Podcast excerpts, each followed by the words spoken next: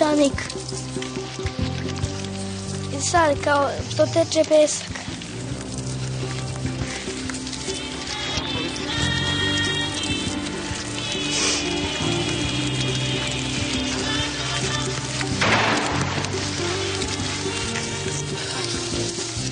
Živet ćemo, radit ćeš ko rob.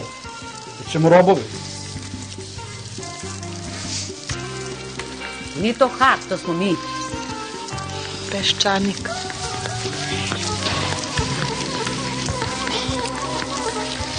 Dobro, koliko ima staža ti pa kad si Ja imam 15 godina radnog staža, počeo sam da radim sa 18 godina. A, ma, nisam se ja naradio, ja hoću i dalje da radim, ali mi ne dozvoljavaju da Ne dozvoljavaju mi da radim. Pazi, mi pričamo o radu, ali imamo šta da radimo. Ajde da postavimo pitanje šta da radimo. Ja sam šest sati puta do Banja Luke gledala u pod od autobusa. Nisam više mogla da podnesem da gledam srušenu, spaljenu, izrešetanu. Srušenu, spaljenu, izrešetanu. Peščanik.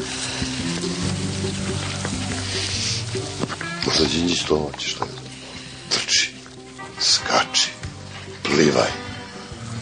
Slušajte emisiju, može, on hoće da mi rintamo od jutra do sutra, jel on glup?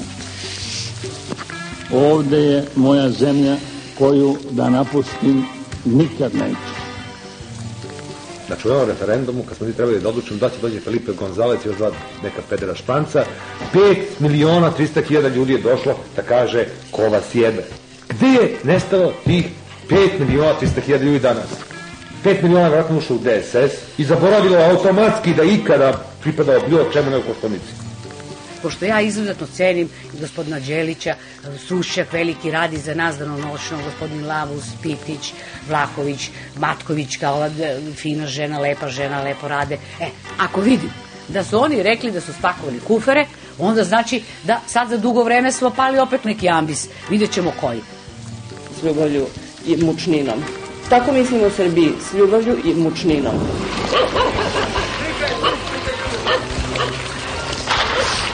Šta ti braniš? Peščanik.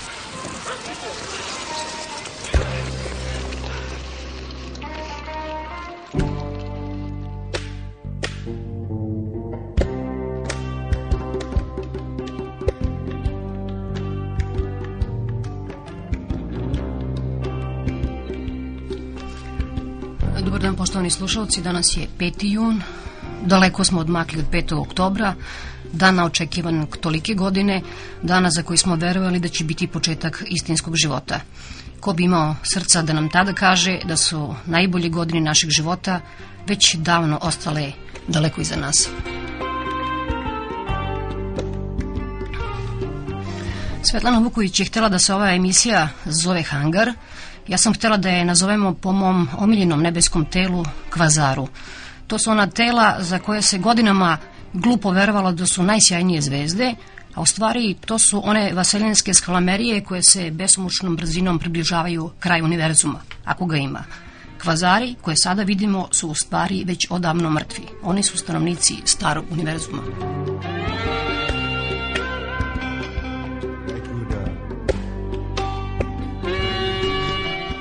Ko ima sreće ne mora svakog dana da prati vesti kao što su ustanak malinara, taksista, poslanika ili svedoka K12, verovatno lepše sanja nego mi ovde u redakciji. Većina ovde sanja mučne snove o Đinđiću i Koštunici. Ja sam ih stvarno noća sanjala i tu u društvu Isaka Njutna. Sede kao na nekom panju i sva trojica gledaju jednu jabuku kako se sprema da padne sa grane. To je ona ista jabuka koja je Njutnu poslužila da smisli teoriju gravitacije. Newton je smiren, zna da ga tek čeka posao i godine rešavanja mučnih matematičkih zadataka pre nego što kaže Eureka. Đinđić nervozno treska nogom i sprema se da ubrza proces padanja jabuke tako što će je uzdrmati dinamitom, a Koštunica već plače što će jabuka pasti nekom drugom u krilu. Sede tako sva trojica na velikom panju meni okrenuti leđima, krajnje neurotični snovi posle kojih osjećate nezamislivu usamljenost. E, Videli ste u poslednje vreme svi traže natrag svoje. Crkva traži svoju, to je Božju imovinu, Karadžorđević svoju, Nemci proterani posle drugog svetskog rata iz Vojvodine svoju, Udruženje za povratak nacionalizovane imovine svoju dedovinu, babovinu, a neka žena je pre neki dan iz Kanade pisala i tražila Mitićevu rupu ovde na Slaviji, jer je to njena očevina. Kad se tome doda da ćemo morati i ovim ratnim profiterima i lopovima koji su se obogatili za vreme ovog rata da legalizujemo imovinu koju su nam pokrali, da bismo ih posle molili da nas zaposle, onda je pitanje šta će nama ostati. Kad svi dođu da naplate svoje, na pravdi Boga oteto, šta će ostati nama?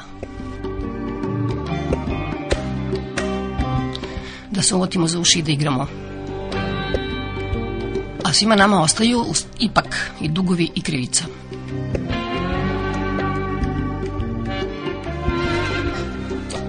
Pre neki dan odbor za oslobađanje Ivana Stambolića pokrenuo inicijativu za uspostavljanje ustanove specijalnog tužioca.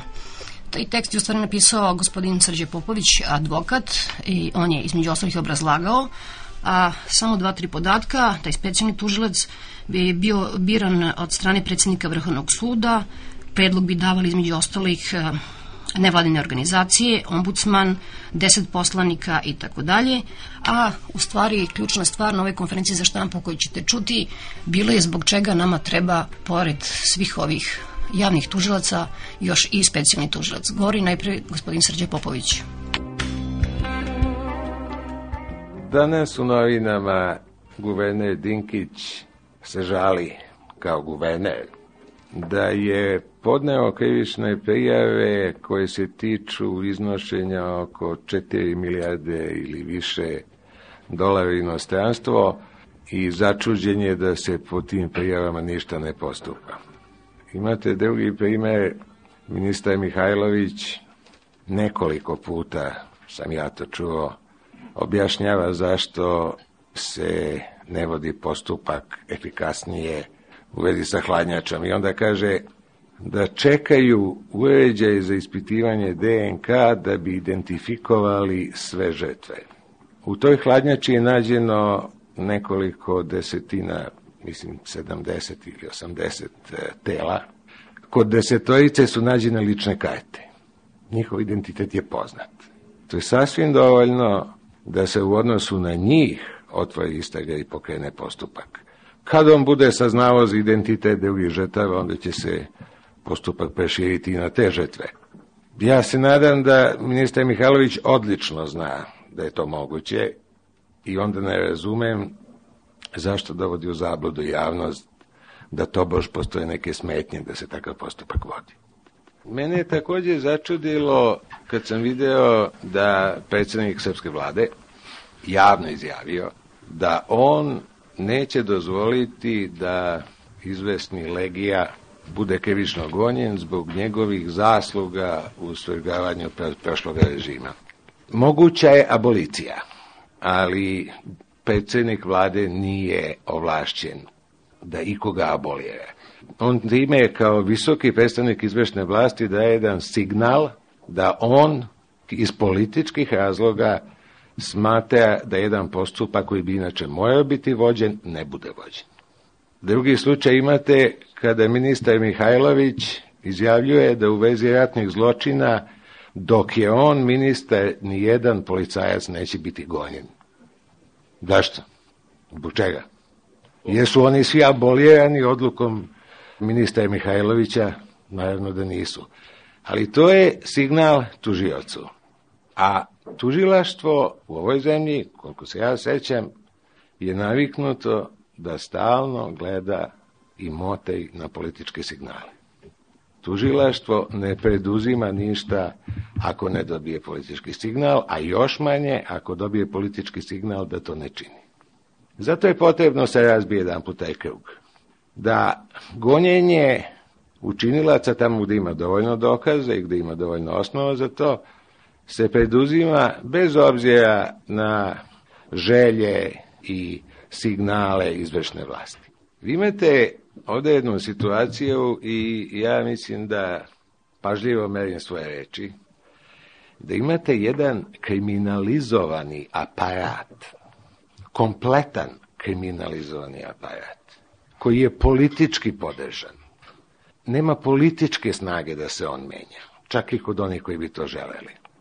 Vi ne možete da očekujete da taj aparat sam sebe čisti. To je isključeno. Eto, zato je potrebno da to bude neko nezavistan, neko ko nije u državnom aparatu i neko koji nema nikakav politički interes.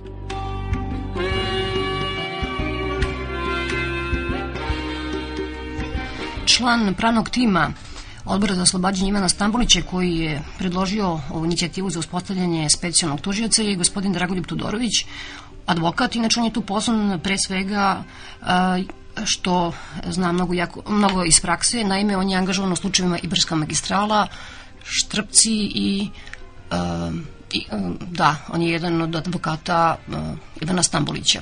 Gospodin Dragoljub Tudorović. Recimo kada se radi o slučaju Ivana Stambolića, tu je osnovna greška, leži u činjenici da je predsjednik Vojislav Koštunica zadržao Radeta Markovića na funkciji e, šefa resora državne bezbednosti četiri meseca posle promena 5. oktobra. U to vreme Vojislav Koštunica je bio praktično jedina vlast i on iz njemu samozvanih razloga zadržao tog Markovića tu. I sada, posle smene ispostavlja se da nema dosije Stambolića, što je smešno. Postojao jedan krunski svedok, radnik na parkingu hotela Golf koji je video te slučaj, koji je video kako su dvojice naruženih ljudi uvela Stambolića. Međutim, to se toliko kasnilo sa sasušavanjem toga, toga jedinog očevica i tako dalje. Kad se radi o zločinu Libarskoj magistrali, stranka SPO imala je svoju televiziju, Studio B, imala je vlast u Beogradu, imala je, znači bila je I oni su formirali pravno ekspertski tim. Na osnovu rezultata rada tog pravno ekspertskog tima, oni su uspeli da dođu do nesumnjivih podataka da je kamion ubica vlasništvo DBA i da je su registarske tablice koje je on nosio takođe službene tablice koje je nosilo vozilo RDBA. Međutim, ni taj slučaj nije do kraja doveden. Vama je poznato da je komandant jedinice specijalne operacije Milorad Luković, Legija, pukovnik, da je on stavio na stranu opozicije 5. oktobra i da je tu uspostavljen neki dijel. Ja sam kao zastupnik porodica oštećenih u zločinu Nibalske magistrali podneo krivičnu prijavu protiv Lukovića. Podneo sam, pisao sam pismo tužiocu Terziću ništa nije vredelo, on protiv njega nije pokrenut istraga, iako su to izuzetno ubedljivi, izuzetno validni, izuzetno kvalitetni dokazi da je i on u tom učestvovao. Pre svega imamo posledan dokaz da je devet pripadnika njegove jedinice na ovaj ili onaj način učestvovalo u tom zločinu, od kojih su dvojica direktni izvršioci. A ta jedinica je ustrojena po vojnim principima, tako da je nemoguće da on to ne zna tri potpuno neutralna svedoka, kojih su dvojice saobraćeni policajci. Vidjeli su čoveka koji je izašao iz jednog automobila i ima istetoviranu ružu na desnoj strani vrata. Kasnije se ispostavilo da Luković zaista ima tu istetoviranu crvenu ružu na vratu. To je izuzetno osoben znak. Bolji je taj znak nego da kaže da je neko crni ili plav, da neko nema ruku. Ima mnogo više njih koji nemaju ruku nego koji ima istetoviranu ružu na desnoj strani.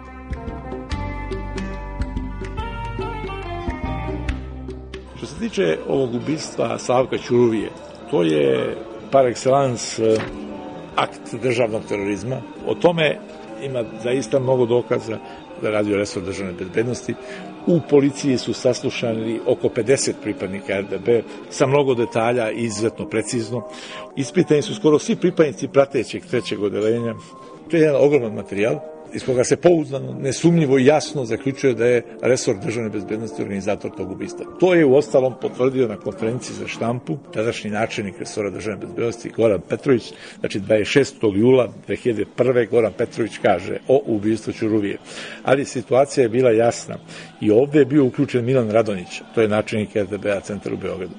On je izdao nalog za praćenje, ali je insistirao na takvim detaljima kao i u slučaju Ibarske magistrale koji su nebiti za uobičajeni operativni rad. Izveštaj mu je morao biti slat svakih pet minuta, bez obzira da li se nešto promenilo ili ne. Kako se Ćuruvija približavao stanu iz Centra za komunikacije javljeno da se posao prekida. Jedan radnik je čuo, ali drugi nije i nastavio da prati Ćuruviju. Sledećeg trenutka iz komunikacijskog centra glas je vikao tom radniku da beži i da se skloni. Vi sami izvedite zaključak šta se desilo, jer sledećeg momenta Ćuruvija je ubijen. Ovo je više nego krivična prijava. Na ovo je tužac morao da reaguje.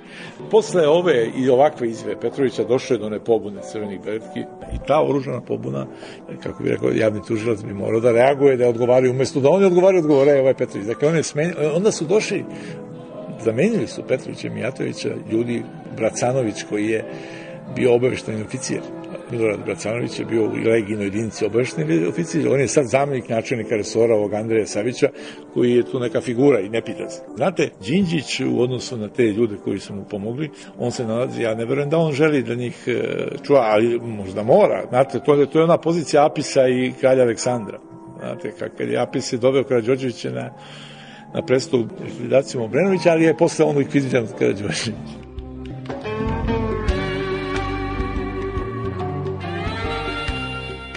Tiče ovih e, grobnica, to je prosto nevratno da se toliko godina dana se ćuti. Govori ministar unutrašnjih poslova Dušan Mihajlović, govori o potrebi da bi se nastavila istraga, o potrebi DNK analize. A DNK analiza se tiče samo lica koja su, koja je, da li je to Janko ili Marko, Petar ili Pavle, a to nije važno za krivičnu odgovornost, to su ljudi. U tom jednoj toj grobnici u Patajnici nađeno je šest ličnih karti porodica sa iste adrese Beriša iz Suve reke kakav DNK, šta će tu DNK? Treba da odgovor da vidimo odakle su ti ljudi, kako su ubijeni, kako su do, doneti tu. Onda slučaj Štrpci. Znate, otmi su 20 putnika, od kojih su 19 muslimani, jedan Hrvat, izvala je jedinica osvetnik Milana Lukića. Zato ima puno dokaza. Suđenje u Bijelom polju se vodi jednom od članova te jedinice, a to je Nebojša Ranisaljević, stolar iz Despotovca, rođen 64. godine. On je na prvom saslušanju kod istražnog sudije na 11 strana zapisnika dao vrlo dokumentovano priznanje. Međutim, najvažnija stvar se desila sada na suđenju 13. maja u Bijelom polju. Predsednik sudskog veća koje je sudio Nisardoviću, Vukoman Golubović, je svojim dopisom tražio od ŽTP-a da dostavi dokumentaciju. I ŽTP Beograd svojim aktom od 27. maja od 2002. godine koje je potpisao Slobodan Rosić, generalni direktor ŽTP Beograd, dostavljam pisani materijal. U tom materijalu se vidi pre svega da železnica taj događaj nije tretirala kao vanredni. Znači nije morala da sprovodi istragu. Znači nije morala da utvrđuje ništa. Ako nije vanredni događaj otmica 20.000 ljudi, šta je onda vanredni događaj? Da je to ako se pregazi krava, to je vanredni događaj i vodi se istraga, ali oni nisu hteli da vode istragu.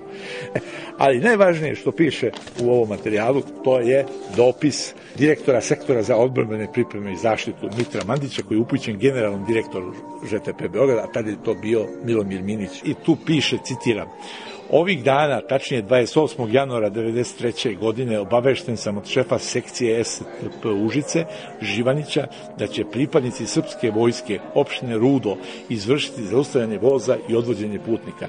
Čitava akcija odvijala bi se na delu pruge Beograd-Bar koja prolazi kroz Bosnu i Hercegovinu. Verovatno u ukrsti Štrpci ili stajalištu Goleš. Iz ovoga direktno proizilazi da, se, da je železnica mesec dana pre otmice znala da će se otmice dogoditi. Onda oni šta su preduzeli, oni to konstatuju, oni su održali, informisali najuži stručni kolegiju, onda održali sastanak sa predstavnicima milicije i službe državne bezbednosti MUPA Srbije, onda su obavili razgovor sa pomoćnikom ministra odbrane Srbije generalom Kuzmanovićem, gde smo došli do zaključka da general Kuzmanović obavesti ministra odbrane pomenuto najave Srbije, to je bio general Marko Nekovanović, da ministra odbrane Republike Srbije obavesti vojsku Jugoslavije, da ŽTP Beograd prestane sa daljim aktivnostima. Pored toga, u tom materijalu ima i strogo poverljiva informacija koja je pročitana na ovom suđenju o sastanku u MUP-u u Užice. Oni konstatuju, citiram, potvrđuje se informacija o nameri odvođenja putnika iz voza i dodaje se da je to strateška operacija srpske vojske radi stvaranja uslova za razmjenu zarobljenika i mrtvih. Oni sad zaključuju policija. Zaključeno da bi ovakav postupak srpske vojske bio neprihvatljiv iz više razloga. Ova rešenja treba tražiti u dubini bosanske teritorije, stavljam upojen. Ovo je ovako dosta cinično. Znači, oni se slažu sa tom otmicom radi razme, ali nemojte na njihovoj teritoriji nego u dubini Bosne. Iz ovoga dalje se vidi da je o tome bila obaveštena vojska Jugoslavije, da je bio obavešten generalštab. U to je vreme vrhovni komandant vojske Jugoslavije bio Dobrica Ćosić. To je sve se dešava mesec dana pre nego što se desila otmica od ovog dokumenta koje je poslala Slobodan Rosić. Ne može biti autentičniji i zvaničniji dokument. Na traženje suda dostavlja direktor ŽTP-a, originalnu dokumentaciju. To govorim zbog toga što je sadašnji VD predsjednika Ustavnog suda, Momčilo Grubač, inače profesor prava, inače bivši ministar pravde, inače u to vreme kad se desila otmica u Srpcima, ministar za ljudska prava i manjine u toj vladi Milana Panjića. Znači, takav čovek za ovaj materijal kaže priče o tome ko je sve navodno znao i planirao otmicu, od kojeg mnoge spadaju u red fantastike, potiču od toga što nadležni organi nisu učinili ništa na svemu. Dakle, to je jedna vrlo neodgovorna izjava, jer ovo, ovo je dokumentacija o koju nema dileme. A pritom da vam kažem da je taj Milan Lukić tri puta bio u zatvoru u Srbiji. Ali oni su ga 94. ekstradirali Republici Srpskoj, iako Republika Srpska tada ne postoji. Iako se ne može preduzeti taj akt ekstradicije. Znači poslali su ga njima gde je tamo slavljen.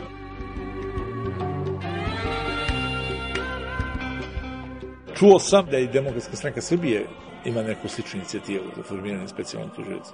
Znate, u Americi je specijalni tužilac zbog toga što predsjednički sistem i što predsjednik ima veliku vlast, ali zato je formiran specijalni tužilac koji je odigrao recimo veliku ulogu u aferi Watergate, kada je smenjen predsjednik države Nixon, onda ovaj nezavisni tužilac Star koji je vodio istragu protiv Clintona zbog Monike Levinski. S druge strane postoji specijalni takozvani mafijaški tužilac u Španiji i Italiji koje su države države sa tom organizovanom mafijom.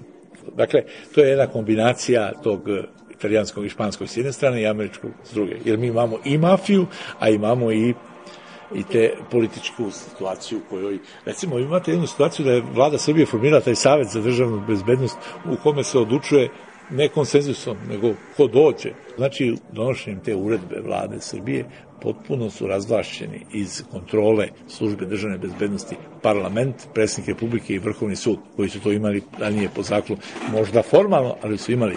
Sada oni nemaju nikakve više kontrola, a ovaj drži legi, ovaj Markovića, ovaj je, da, ministar policije dao skandalozno izjavu, ja neću kaže, ne može, dok sam ja ministar, jedan policajac odgovarati kako ne može, to je upost. Dalje, jedan od faktora to što nisu razrešene sve sudije. Novu vlast ne prati novo sudstvo, nego staro sudstvo uz nove, nove obećanja. Oni su bili dosta zaglibili, oni su, znate, u 96. godine donet zakon Lex Specialis da bi se poništile te odluke sudskih veća nezakonite, falsifikovane, gde su falsifikovane rezultate izbora, a te sudije dalje rade. E, to nismo pomenuli, recimo, jedan od razloga najvažnijih tog specijalnog tužilaca je ovo suđenje pred nacionalnim sudima za ratne zločine. Oni neće više da sude, to je jasno. Oni će da uhvate Karadžića i Mladića i gotovo, njih više to ne interesuje, sudit će se ovde. A ovde se neće suditi nikome to je pitanje da li je dovoljno tu samo i specijalni tužilac, tu bi možda mogla da budu internacionalizovana veća. Znate, sada se dešava na Kosovu sude internacionalizovana veća i dešavaju se masovno oslobađajuće presude. Znate zašto? Oni su uhvatili ove ljude neke dole nevine, a ovi glavni su pobegli u Srbiju. I dokumentacija odnet. Recimo, neki su osuđeni od, od čisto albanskih sudova na 20 godina, pa posle u ponovljenom postupku pred internacionalnim sudima su oslobođeni. To govori o pristrasnosti. Ne može, jednostavno, ja mislim da to ne može ni u Francuskoj, a kamoli na Balkanu da se sude. Znate, ko će da sudi ovde ratno zločinska 90% misli da smo imali pravo da vodimo te ratove. Neminovno da će doći do suđenja. Ako je poginulo 200.000 ljudi na ovom području, sigurno da u Beogradu ima ubica na svakom koraku. Bio gospodin Dragoljub Todorović, a advokat Srđe Popović je rekao da će odbor zatražiti podršku i šire javnosti za uspostavljanje specijalnog tužioca, najavljuje prikupljanje potpisa, a naravno podrška će se tražiti i od nevladinih organizacija. Slušate pravnog savjetnika Helsiškog odbora, pravnu savjetnicu Helsiškog odbora za ljudska prava, Natašu Novaković. Bili su neka četiri osnova po kojima su pokrenuti postupci za razrešenje. To je bilo suđenje po političkom, da kažem, diktatu, izborne krađe, neažurnost, neefikasnost u suđenju i dodela, nezakonita dodela stambenih kredita i stanova. Mislim, tu ima neke stvari koje su prosto nevjerovatne. Recimo, jednom sam pročitala u novinama da je nekih preko 400 kredita ili stanova je dodeljeno nezakonito samo u okviru Ministarstva pravde. Očigledno da nisu ni svi dodeljeni sudijama ili tužiocima ali na kraju se taj postupak za razrešenje po tom osnovu sve, svega na dva čoveka. U tom smislu bi i zamerila našim, da kažem, pravosudnim vlastima, odnosno možda predsjednicima nekim sud, nekih sudova koji su trebali sami da iniciraju postupke razrešenja sudija, odnosno postupka da se utvrdi da li postoje okolnosti za njihovo razrešenje i ne, a ne na kraju da se ministar pravde Vladan Batić pojavi sa tom inicijativom i sa spiskovima koji su javno objavljeni, što je zaista bilo nedopustivo. I predstavili kršenje prava tih ljudi, što je izašlo s pisama koji su bili neažurni, netačni sa, sa imenima ljudi koji treba da se razreši, koji su već bili advokaturi ili sa imenima ljudi koji su izuzetni profesionalci, ali iz nekih e, nedovoljno utvrđenih kriterijima, oni su se našli na toj listi. Što se tiče ove inicijative za uspostavljanje e, specijalnog tužioca, posmatrano kroz pravo, ona ne postoji, zato što prosto niko zakon ne predviđa da će tako bitan organ, da neće vršiti svoju, svoju funkciju, ali faktički posmatrano rekla bi da nam je takav organ zaista e, preko potreban mi imamo nekih recimo 4-5 vrlo kritičnih slučajeva kao što su nestanak, odnosno otmica Ivana Stambolića, o kojih, nažalost, već možemo reći da se radi o ubistvu, to je slučaj Štrpci, to je slučaj ubista Slavka Ćuruvije ili slučaj na Ibarskoj magistrali, koji su zaista flagrantni slučajevi, samo jedan od njih bi bio dovoljan da cijelna garnitura bude smenjena, zato što se ništa ne radi po tim slučajevima.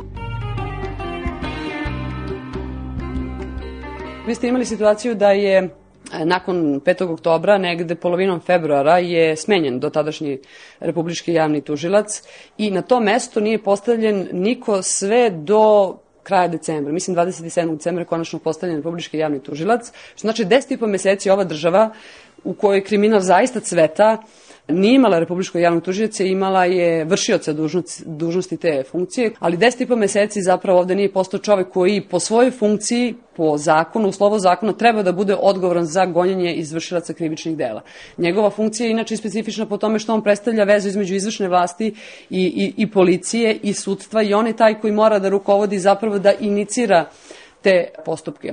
Mislili smo da kada se konačno postavi novi republički javni tužilac da će se nešto promeniti, ali vidimo evo prošlo je pet meseci i opet se ništa nije promenilo u tom smislu. Mi nismo dalje otišli od onoga kako smo imali situaciju pre 7, 8 ili 9 meseci, što očigledno zaista pokazuje da je faktički nama zaista neophodna jedna posebna institucija, možemo nazvati i specijalnim tužiocom, koja u ovakvim upravo slučajevima treba da ima posebne ingerencije i da može da pokreće te postupke i da očigledno bi se na to mesto trebalo postaviti ličnost, odnosno više ličnosti, pošto to ne može raditi samo jedan čovek, koja ne bi uvek i u svakom trenutku imala na umu neki viši interes vlasti, da to tako nazovem, nego koja bi postupala u skladu sa zakonom i, i moralom i jednostavno dokazima koji su tu negde oko nas, samo čini mi se da nema političke volje da se oni prezentiraju. U tom smislu mislim da je zaista tragičan slučaj masovnih grobnica koji su otkrivene na teritoriji Srbije. To se desilo, evo sad već ima godinu dana, pošto je to u Timočkoj reviji obavljeno negde 1. maja. Umeđu vremenu su pronađene još neke grobnice, znači osim te hladnjače, ukupno se sada govori o, o, o broju od 470 ljudi koji su ekshumirani, a pretpostavka je da ih ima zapravo 800, a da su te koji su još uvijek neotkrivene negde na lokacijama nekadašnjih terena Sajovih, znači u Batajnici, i da još jedna gromnica postoji ispod autoputa Beograd-Vranje. Mislim da je zaista tragično i odvrtno živeti u zemlji gde vam svako malo izleti neka masovna grobnica, a da se po tom pitanju zaista ništa ne dešava i da se vlasti i organi koji su uključeni u ceo ovaj postupak, znači policija, istražne sudije, ili tužilaštvo e, pojavljuju se nekim informacijama koji su najčešće takve da se prebacuje odgovornost jedni na druge. U nekim razgovorima neformalnim sa predstavnicama pravosudnih organa čula sam da su zapravo njima ruke vezane i da to mora biti i dalje taj neki postupak, neke istražne radnje protiv nepoznanog izvršica, zato što se ne zna koje te ljude zapravo pobio na Kosovu, a evidentno i očigledno je da su ih pobile srpske snage, da li vojska, paramilitarne formacije, policija, bilo ko, i da su oni prebačeni u Srbiju upravo da bi se prikrili tragovi ratnog zločina. E sad oni kažu, pošto mi ne znamo ko njih pobio tamo, mi ne možemo ovde nikoga da gonimo jer nemamo izvršioca krivičnog dela. I kao o kom krivičnom delu se radi. Mislim da je očigledno o kom krivičnom delu se, se radi. A naš krivični zakon, krivični zakon Republike Srbije predviđa delo koje se zove pružanje pomoći učinicu nakon izvršenog krivičnog dela koje tačno u svojoj radnji opisuje da se zapravo radi o prikrivanju tragova krivičnog dela i za to delo nije zaprećena mala kazna za pružanje pomoći učinicu za ovako krivično delo bilo bi predviđena kazna od jedne do deset godina, što nije mala kazna.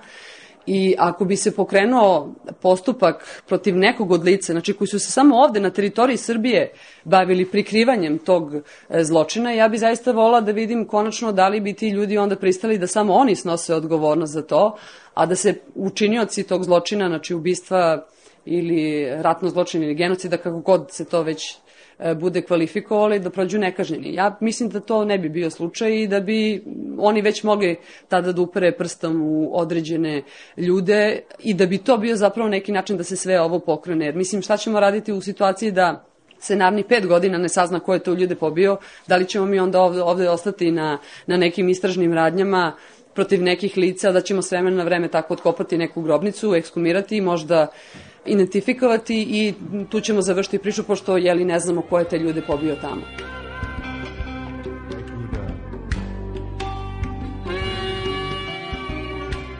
Postoje samo tri strane. Postoji policija koja treba da sprovede ta, tako neke predistražne radnje. Postoji javni tužilac koji inicira taj postupak I postoji istražni sudija koji u ovom slučaju, kao što sam rekla, ima ograničenu ulogu s obzirom da nema istrage, jer imamo samo te neke istražne radnje, pošto nemamo izvršioca, nemamo protiv koga da, da, da uperimo istragu. E sada, e, po onome što sam ja čula i poluzvanično i nezvanično, ono što su pisale novine, tu se već imena spomenju i e, na stotine svedoka su već ispitani i zna se ko je učestvovao u, u tome. I zato kažem, nek se stavi zahtev za sprovođenje istrage protiv lica da ne banalizujem stvar, ovi koji su iznosili te leševe iz hladnjača, oni koji su ih zakopavali, oni koji su davali naredbu da se tu je bila neka policija, tu je neko stajao, nisu mislim ljudi sami sad to osmislili. Postoji priča da su neki dobijali 100 maraka za to što su radili. Pa e, nek se ide, to se ide od, od jednog do jednog i onda se polako sklapa određeni mozaik. Ja se plašim da je odgovornost na četvrtoj strani odnosno da to neko od ozgore stopera tu celu priču, kao što se plašim da je i cela priča inicirana od ozgore. Pritom mislim da je ozbiljan problem i to jeste pitanje političko. U policiji se dalje i to na vrlo visokim mestima nalaze ljudi koji e, verovatno su imali nekog uticaja na donošenje odluka vezano za, za, za masovne gromnice, za, za prebacivanje tih ljudi. Tako da ne možete možda ni od policije da očekujete da će oni svoje da, da optuže svoje kolege koje se očigledno nalaze na tim mestima i koja nova vlast nije našla za shodno da, da smeni sa tih mesta. Mislim da tužilaštvo i sud u tom nekom smislu nema šta da krije. S druge strane, onda kažem, dobro, u redu, onda neka sud i tužila što kažu to. Javno, mi hoćemo, ali ovi neće da nam kažu i neće da nam dostave dovoljno dokaza da bi se mogla sprovesti istraga protiv određenog lica. Ali samo neka kažu, onda dobro da znamo kome da se obratimo. Ovako je sve mutno. Ali prva i, i, i krucijalna stvar za sve, zaista, jeste ustanovljavanje konačnog pravnog sistema, nekog prav, ne, neke vladavine prava. Daleko da sam ja legalista kao na način na koji to naš predsednik želi da, da, da prezentira, ali neki pravni sistem mora da postoji, mora da se ustanovi sistem odgovornosti. Bez toga mi zaista ne možemo ništa da radimo. Znači, vi ćete sutra imati gomile krivičnih dela koje neće imati ko da goni, jer ćete ili moći da potplatite, ili ćete postati član neke stranke, ili ćete na neki drugi način kako bi to rekli, zavezati tu celu konstrukciju, tako da ona nikad neće doći ni do suda. S druge strane, neophodan je zakon o ilustraciji koji će konačno iz jedan određeni period, to može biti 5, 10, 15 godina, već zavisi kako će biti regulisano zakonom, udaljiti određene ljude iz javnog života, a neke i staviti, nadam se, konačno iza, iza rešetaka. Peščanik Bila je ova Nataša Novaković, pravna savjetnica Helsiškog odbora za ljudska prava. Sada prelazimo na jednu drugu temu, recimo možemo da nazovemo politika uslovljavanja. U Srba je poznata kao politika štapa i šagarepe. Do 5. oktobra smo bili zlikovci i divljaci, a posle 5. oktobra bon sauvage, što kažu francuzi, dobri divljaci ili pitomi divljaci, a poglavica dobrih divljaka, Koštunica, sećate se, dobio onaj Oskar popularnosti čak u Americi. Međutim, po poslednjih dana e, dobili smo nekoliko šamara, posle su rekli da su to samo čvrge, sećate se onog Bušovog dekreta, kojim su delimično produžene sankcije. Onog čoveka iz Savjeta Evrope koji je rekao da pre ulaska u tu instituciju moramo da porazgovaramo malo o statusu Kosova. Onda je onaj čovjek iz OEPS-a a, priprijetio Đinđiću da ne može onako da oduzima mandate, a videla sam Montgomerya i to zamislite u hramu Jugoslovenske armije kako prstićima pokazuju našim generalima šta moraju da učine ne bili jednog dana a, ušli u partnerstvo za mir, a ko zna možda jednom u drugom životu u NATO pakt. E, u Medija centru je održan ovaj pres klub na, kojem, na kome je bilo pri, govor upravo o toj politici uslovljavanja i govorili su Jovan Teokarović iz Instituta za evropske studije, u tom institutu radi gospodin Miroslav Prokopjević i Ljubiša Sekulić iz Foruma za međunarodne odnose. Najpre slušate Jovana Teokarevića, koji je objašnjava za početak gde mi u stvari pripadamo. Znači u poslednje vreme kad slušate ove zapadnjake, te nam kažu da smo jugoistočna Evropa, te nam kažu da smo zapadni Balkan, Evo, Teokarević će pojasniti šta smo mi, gde mi u stvari e, živimo. Da vas podsjetim samo da smo do 19. veka zvanično bili nazivani evropskom Turskom ili evropskim orijentom. Mi smo prvo podeljeni na istočni i na zapadni Balkan. U istočni spadaju Bugarska i Rumunija, u zapadni sve bivše Jugoslovenske republike minus Slovenija plus Albanija. Prve dve zemlje su u vrlo oštroj, beskompromisnoj, sa mnogo udaraca međusobnih trci ka nečemu što se sada čini mnogo više dostižno, kad već ono drugo nije moglo da bude dostižno, dakle mesto u Severnoatlantskom paktu. Druga je stvar naravno da, ja bih rekao, i NATO pakt više ne postoji. Od septembra prošle godine, od napada na Washington i New York, Očigledna je e, želja, nastojanje Sjedinih država da u međunarodnoj zajednici, da u svetu deluju apsolutno samostalno, ad hoc sa partnerima koji se u tom trenutku e, čine e, povoljni. S druge strane, sve nove članice NATO-a će za stolom pored Buša sačekati Vladimir Putin kao personifikacija u stvari novog jednog člana nezvaničnog NATO-a i kao pokazatelj u stvari obesmišljenih nadanja svih ranije istočnoevropskih država da se u stvari zaštite od te Rusije pridružujući se e, NATO paktu. U isto vreme e, posebni odnosi između e, Vašingtona i Moskve marginalizuju potpuno Evropu kao takvu i naročito je važno i za nas marginalizacija Evropske unije u tom smislu. Tako da je u stvari zemlje koje su jednom kupile kartu za NATO pre nekoliko godina u okviru starog sveta, starog postkomunističkog sveta, ja mislim da će oni u stvari doći na stanicu za koju nisu kupili kartu. Naš odnos sa tim zemljama Istočnog Balkana je opet vrlo specifičan. Oni sa nama jednostavno nemaju interesa da sarađuju jer im je naročito iz unutrašnje političkih razloga, prioritet apsolutni saradnja sa Vašingtonom na pod broj 1 i sa Briselom pod broj 2. I pored nekih poboljšanja u, u ekonomskoj saradnji između raznih balkanskih zemalja, i dalje nivo međusobne trgovine katastrofalno nizak, a o političkoj saradnji se gotovo i ne može govoriti. Dakle, mi imamo situaciju u kojoj znači ne možemo da računamo na balkanske susede kao saveznike u situacijama o kojima danas ovde pričamo. I to je jedna vrlo ozbiljna stvar. To je stvar koju opet niko drugi, recimo u Srednjoj Evropi ili na Baltiku nema. Tamo se uglavnom uvek može računati na nečije savezništvo. Pre nekoliko dana jedna grupa ljudi iz naše zemlje razgovarala sa ministarkom za evropske integracije Bugarske u Sofiji. Ona nam je vrlo dobronamerno preporučivala da imamo kuma u Evropskoj uniji, dakle neku vrstu patrona, zaštitnika kaže ona, da bez toga jednostavno ne ide. Ja bih rekao da posebno signal koji smo dobili iz Vašingtona prošle nedelje treba e, da bude jedno dobro upozorenje. Te sankcije su tako formulisane, ako se sad pogleda, dakle, Bušova odluka o vanrednim merama i Powellovi optimistički stavovi, podrška jel da, našim političarima koji su bili u poseti Vašingtonu, Sve je tako formulisano da se daje jedno namerno, ja bih rekao, jedno protivrečno, nejasna poruka e, ovoj zemlji. Ona je u neku ruku, po mom mišljenju, adekvatna nejasnoj poruci o reformama koju naša zemlja šalje drugim zemljama. A ono što treba očekivati, po mom mišljenju, to je da ćemo mi ovakve polusankcije, polupodršku, e, otprilike moramo ih očekivati, možda ne toliko od Vašingtona u budućnosti, nego od Brisela, pogotovo kad počnu ozbiljni razgovori na temu usaglašavanja ekonomskih sistema Srbije i Crne Gore u toku pridruživanja e, Evropskoj uniji.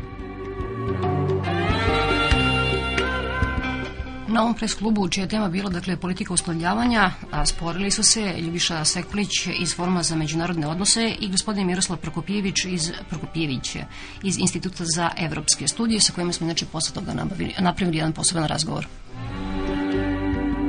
Pre dan sam pročito u novinama kada je Bush e, dao izjavu da se neki naši državnici čudili ili, ili zbunili izjavom i tako dalje.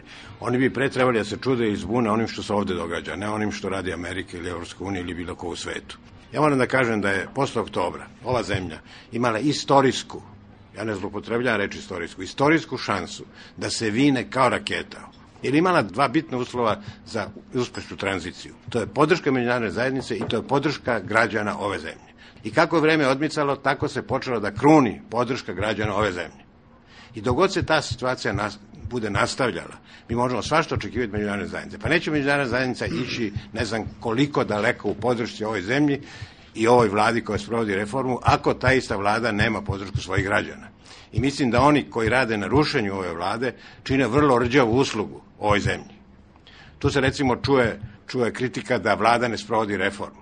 Ja ću da vam kažem, ovo što vlada ima podršku u svetu, što ima podršku svi relevantni segmenta međunarodne zajednice, ne samo podršku, nego je ta politika dogovorena sa tim istim segmentima, kogod ruši vladu i ruši tu politiku, taj radi isključivo za svoje stranačke interese. Ako bude izbora i bilo koja vlada da pobedi u tim izborima i dođe na vlast, ona nikakvu drugu neće moći da vodi politiku nego ovu koju sad vodi ova vlada. Jer ova, jer ova vlada je tu politiku usaglasila sa Međunarodnim monetarnim fondom. I svako odstupanje od te politike bi značilo kresanje, zaustavljanje svih kreditnih tranši. Politika uslovljavanja kod Međunarodnog monetarnog fonda kičma politike fonda. I verujte, taj spisak zemalja kojima je obustavljena tranša je veoma dug. Ovo što se sad desilo sa ovom Bušovom korakom, to je nešto što, evo sad kažu, nije toliko bitno. Ali to je jedan znak. Ima ona izreka za pametna čoveka i komarac muzika. To je već reakcija jedna na ono što se ovde događa. Pa niko neće ovde da daje pare u, u bure bez dna. Znate, mnogi govore da treba održati izbore. Ja smatram da bi izbori za ovu zemlju bili katastrofa. Šta znači izbori? Izbori znači šest meseci stopiranje svakog rada na reforme. Pa neće Đinđić tokom predizborne kampanje sedeti u kancelariji i raspravljati, ne znam, prostorni plan Srbije, nego će biti Đurđe mrak u kampanji, tako i svi ostali, to je, mislim, i, i normalno, i to bi se i desilo. Znači, šest meseci sve staje. I gde ćemo mi biti kroz tišu Pa prestaće sve, prestaće ova pomoć koju do sada dobijamo. Prema tome, ako, ako se ovde ta politička scena nastavi da pogorša, ako što se sada pogorša, mislim da nam se vrlo crno piše. Kad se danas kaže da ne treba da budu izbori zato što će da stanu reforme, ja pitam koje reforme? Nadalje, kad se kaže pa ko su alternative, alternative su znači G17, Koštunica, Đinđić i tako dalje. To su sa stanovišta toga kako ti ljudi shvataju ekonomiju, tako male razlike da o njima ne treba, na to ne treba gubiti reći. Znači, to su sve podjednako prilično nereformske ekipe sa možda najviše proreformskog duha u G17 i najmanje kod Koštunice u ekonomskoj sferi. E sad, privatizacija praktično da je nema, jel, prodate su tri cementare i manjinski udeli u desetak firmi, što je za godinu i po dana, priznaćete, katastrofalan učinak. O stranom kapitalu, da ga ne pominjamo, jer je za 2001. ukupno stranih direktnih ulaganja bilo samo oko 40 miliona dolara. Podsećam vas da je u Hrvatskoj bilo 400 miliona, da je u Mađarskoj bilo 2 milijarde i da je u Češkoj bilo blizu 6 milijardi direktnih stranih ulaganja. Ako nema direktnih stranih ulaganja u nekoj tranzicijnoj zemlji, onda možete da kažete da zaboravite na ozbiljne reforme i one su vam, možda da se kaže, najbolji indikator toga koliko, koliko je neka zemlja uspela u ekonomskom domenu.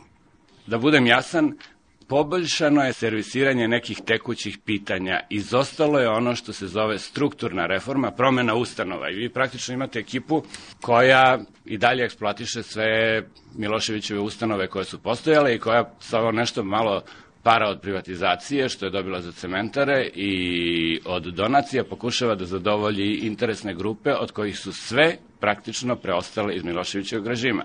Znači, nema ni jedne interesne grupe koja je imala neku veću havariju. E sada, ako su stvari takve, onda se postavlja pitanje kako u stvari svet gleda na nas. I ono što je nesumljivo, ja mislim, to je da u Vašingtonu, u Brislu ili bilo gde nemaju nikakvih iluzija da ovo nisu demokrati u pravom smislu, da ovo nisu ljudi za tržišnu privredu i tako dalje, ali isto tako nema iluzija da su ovo ljudi koji su kooperativniji, povoljniji, nesumnjivo kao partner od Miloševićevog tima. E sada, ako to nisu pravi demokrati, ako to nisu pravi ljudi za, koji su zaista za vladavinu prava i za tržišnu privredu, ako su znači to nepouzdani momci, onda naravno e, nema nikakvog čuđenja nad okolnošću da relevantne sile i međunarodna zajednica želi da zadrži neke mehanizme koje je koristila i koristi uvek kad su u pitanju momci koji nisu za ove tri vrednosti zdušno. Naš interes bi bio interes ovog naroda, ne političke elite, da je Zapad rekao koliko reformi, toliko pomoći, jer bi onda ova, ekipa morala ozbiljno da razmisli da li će da izbegne reforme. Američka administracija, Evropska unija, oni imaju neke svoje interese. Nažalost, oni ne koincidiraju sa našim dugoročnim interesima.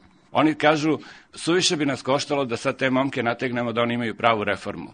Ako oni nisu toliko bistri da shvataju da je za njihovu populaciju i za njih dugoročno to ključno, šta nas briga?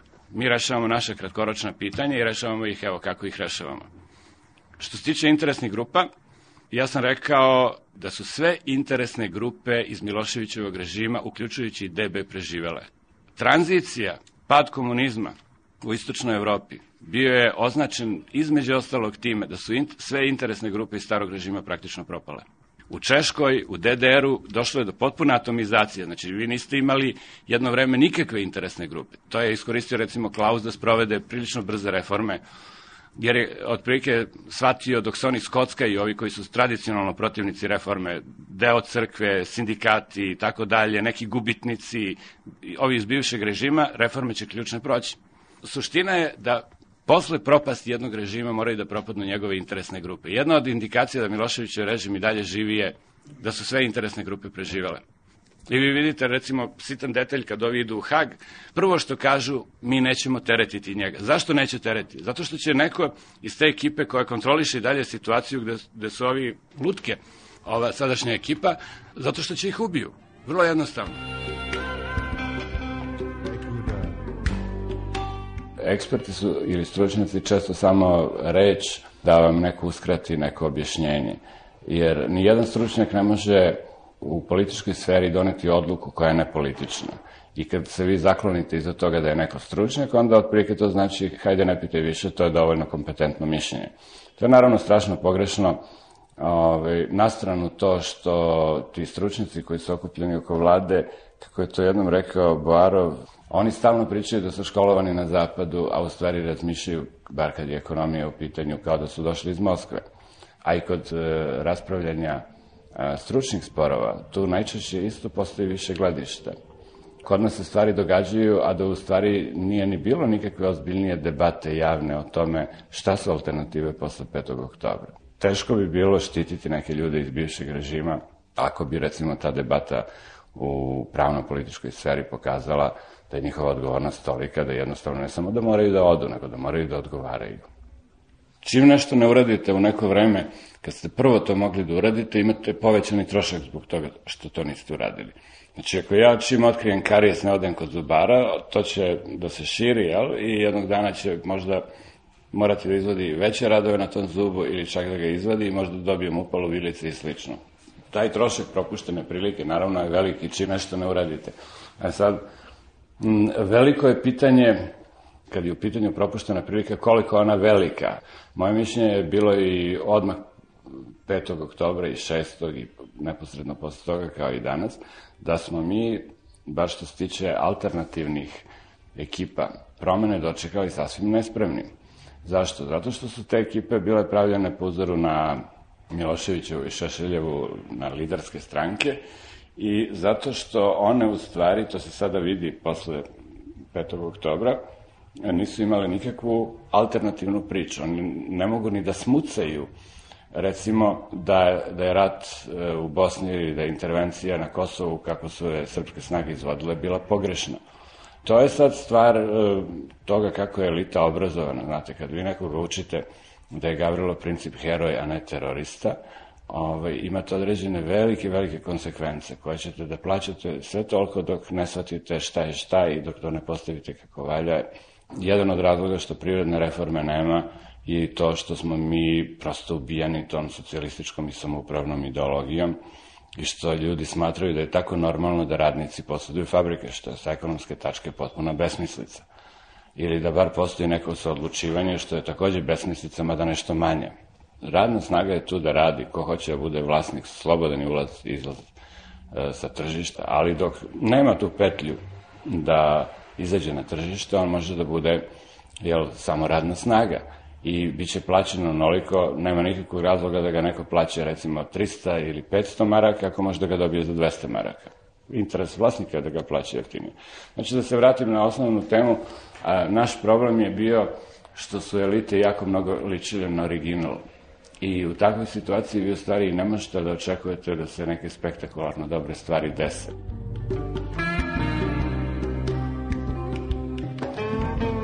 Ono što bi vlada morala da uradi, to je da krenu ozbiljne kampanje.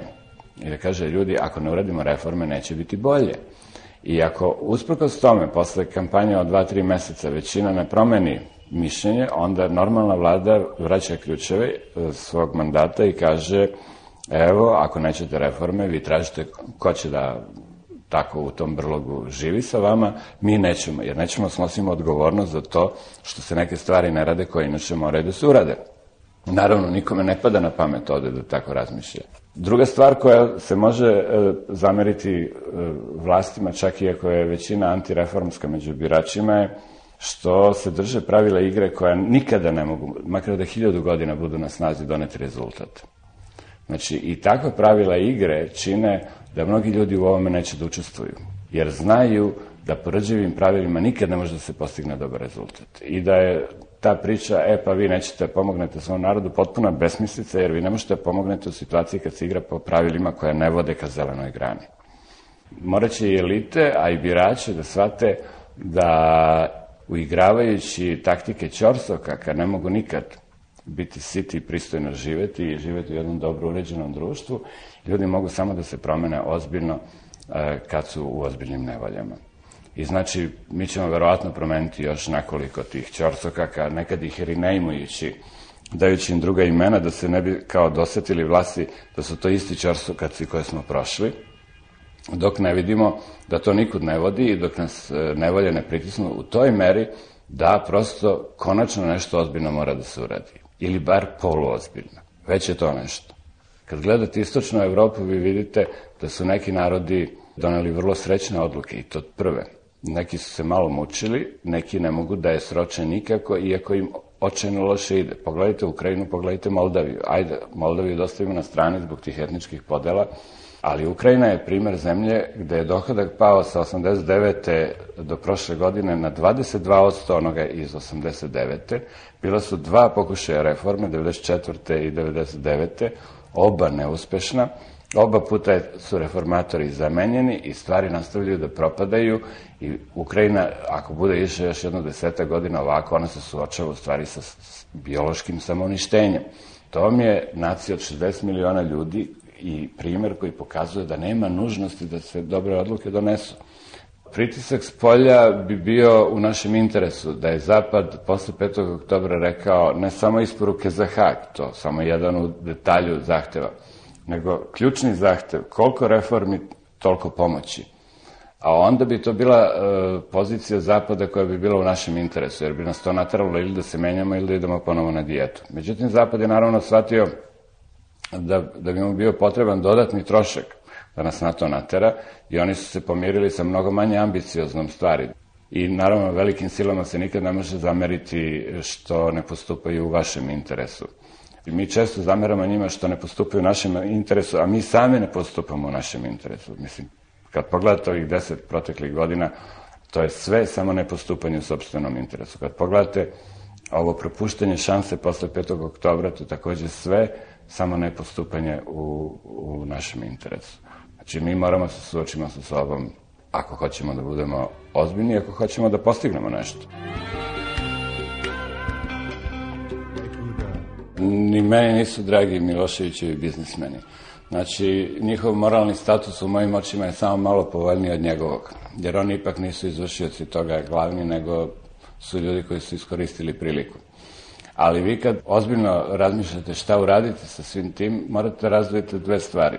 Morate da razvojite moralni gnev koji opravdano postoji u ljudima, od toga e, da ne povlačite takve poteze prema njima koji u stvari i onako bednu privrednu situaciju još više pogoršavaju. Jer kad vidite e, kako policajci trče kroz Moptel ili BK, kad to vidite na svim svetskim televizijama, džaba vam je pričati da ste stvorili povoljno okruženje. Da je sve drugo dobro i samo to da se desi, to je već poruka posle koje treba mnogo dobrih vesti da dođe do privatnih investitora na zapadu, da bi oni promenili mišljenje o toj zemlji. Znači, ono što je po mom sudu trebalo uraditi, to je pogledati firmu po firmu da li je neko nešto ukrao. Ako jeste, to je krivično delo bilo i po onim, a mora biti i po ovim zakonima. Znači, to kazniti. To naravno suditi već prema tome kako je to delo. A što se tiče neke njihove pod navodnicima kazne, najbolje je bilo otvoriti ovu privredu. Tu bi se videlo da bi možda samo mali procenat njih uspeo praktično da preživi, jer oni e, znaju da se obogate samo jednom drugom okruženju.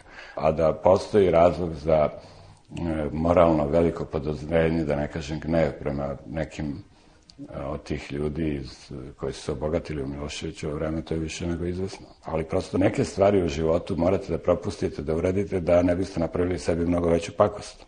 I ja kad se šalim sa mojim prijateljima, ja kažem life is not so easy. Život nije tako lagan.